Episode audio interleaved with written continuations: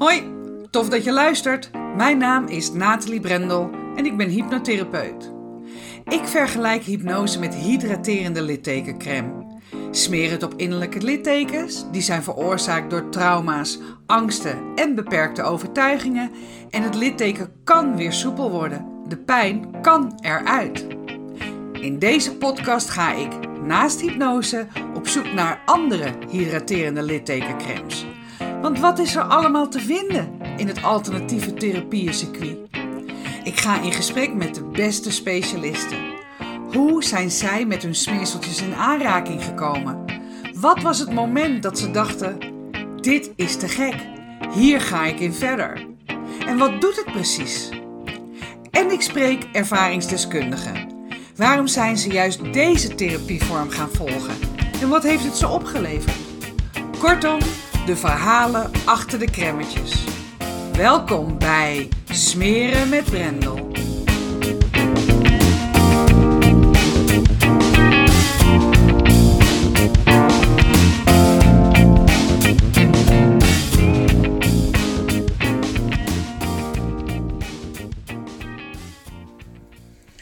Zoals je één ding doet, doe je alles.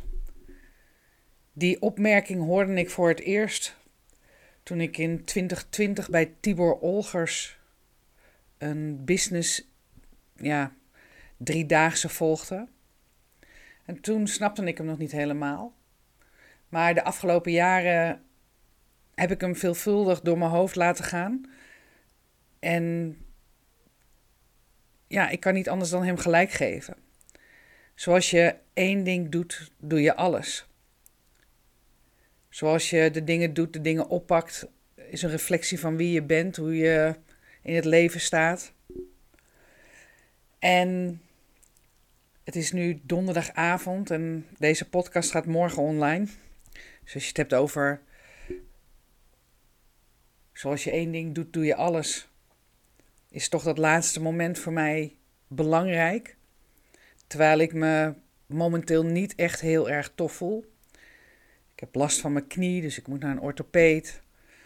Maar ik heb ook last van het feit dat ik besloten heb om niet meer bij um, de ayahuasca of psilohuasca begeleiding te zijn bij Mind Travelers.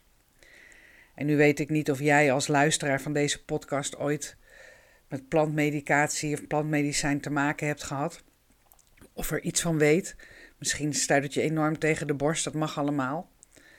Maar plantmedicijnen zijn er al zolang de oudheid er is. Alleen wij hier in de westerse wereld zijn daar natuurlijk helemaal niet meer mee bekend.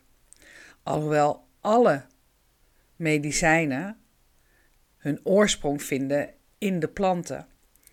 Alleen zijn de medicaties die wij hier gebruiken, ja, daar, daar is natuurlijk al het natuurlijke is daaruit. Zijn het alleen nog maar farmaceutische medicatie die wij hier tot ons nemen. Maar je kan je voorstellen, als je kijkt naar bijvoorbeeld ook in Zuid-Amerika, maar ook uh, naar Indonesië, waar heel veel plantmedicijnen worden gebruikt. En dat was hier ook hè, in het Westen. Alleen werden de mensen die plantmedicijnen maakten, of daar in ieder geval mee aan het werk waren, die werden hier gezien als, uh, als heksen en, en, en, op de brandstapel uh, gegooid. Dus ik, volgens mij is er heel veel wat wij niet meer weten hier vanuit het Westen.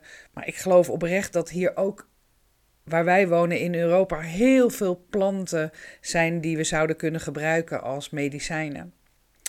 Enfin, ik heb heel erg veel baat gehad bij mijn ayahuasca-reizen die ik gemaakt heb. En ik had het er vanmiddag over met mijn uh, middelste zoon. Die zei van, goh mam, je kwam zo blij thuis na um, de eerste reizen die je gemaakt had. En dat kan ik me ook nog helemaal herinneren.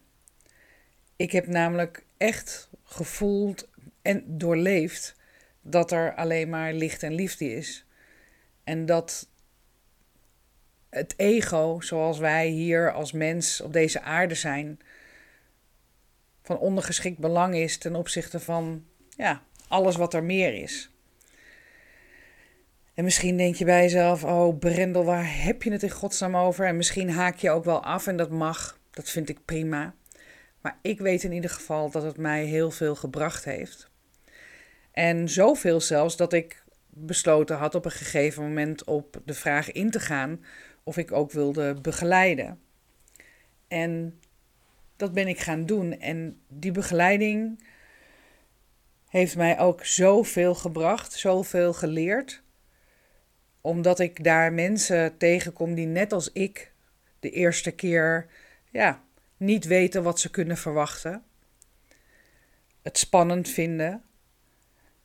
Bang zijn misschien ook soms voor wat ze tegen gaan komen. En dan vervolgens, als we ze hebben mogen begeleiden in hun reis. En zij daar uitkomen met zoveel inzichten, met zoveel gevoel voor alles wat is. Dingen die op hun plek vallen. Inzichten die ze over zichzelf hebben gekregen, maar ook ten opzichte van de wereld of hun omgeving. Heel erg waardevol. Alleen het moet wel goed blijven voelen. En ik merkte dat, ja, de plek waar ik dat deed, dat ik onvoldoende in mijn kracht stond en dat mijn potentieel onvoldoende werd benut. En dat is dan pijnlijk, want dan neem je afscheid. Niet alleen van iets wat je heel leuk vindt om te doen, maar ook van een hele groep mensen met wie je dat samen doet. Gelijkgestemden die precies snappen hoe het voelt, hoe het is om, om dit te, te hebben ervaren en ook om te mogen begeleiden.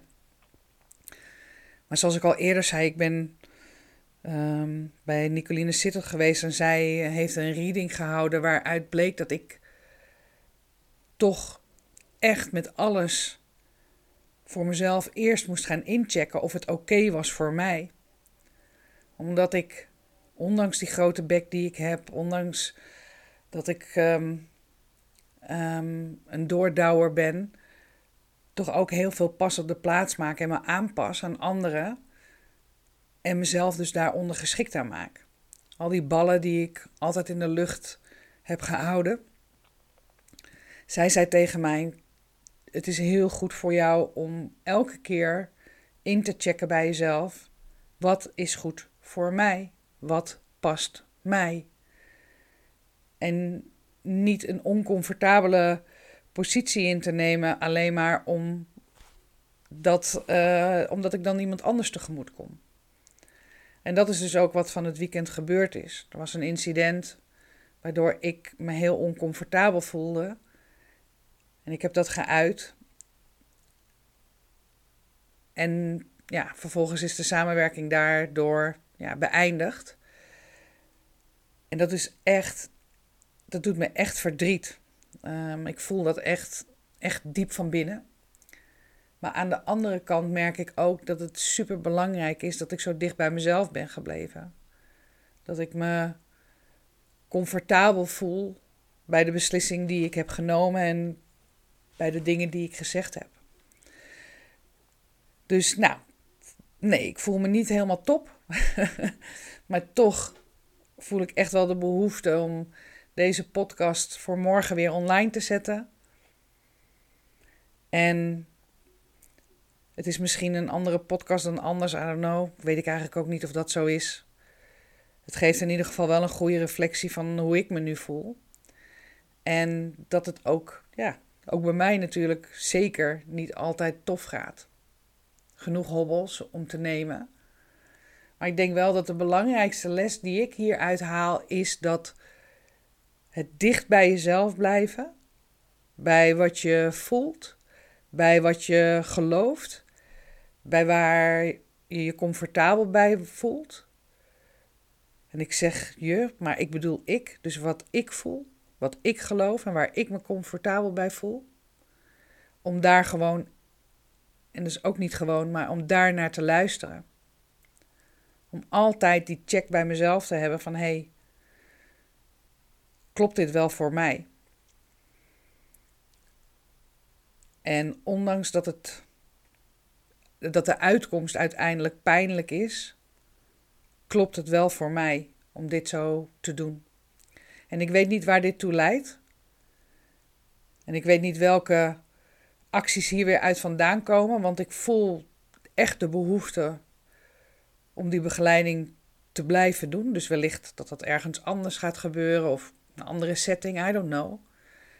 Maar het is wel een, iets wat, ja, waar ik me gewoon ongelooflijk uh, senang bij voel om te doen. En mensen op die manier te begeleiden. Dus daarvan akte. Um, ik wens je een hele, hele mooie dag. Bedankt voor het luisteren naar Smeren met Brendel. Vond je dit een toffe podcast? Laat dat dan vooral weten door een 5-sterren review achter te laten. En ken je iemand die deze podcast vast ook interessant vindt? Dan zou ik het waanzinnig waarderen wanneer je hem deelt. Wil je het direct weten als de volgende podcast Smeren met Brendel klaar staat? Klik dan in jouw podcast-app op de button subscribe en je ontvangt direct bericht als de nieuwste podcast online staat. In de Spotify-app kan je zowel het beoordelen als het delen en het volgen van deze podcast heel eenvoudig regelen door op de drie puntjes te klikken. Super bedankt!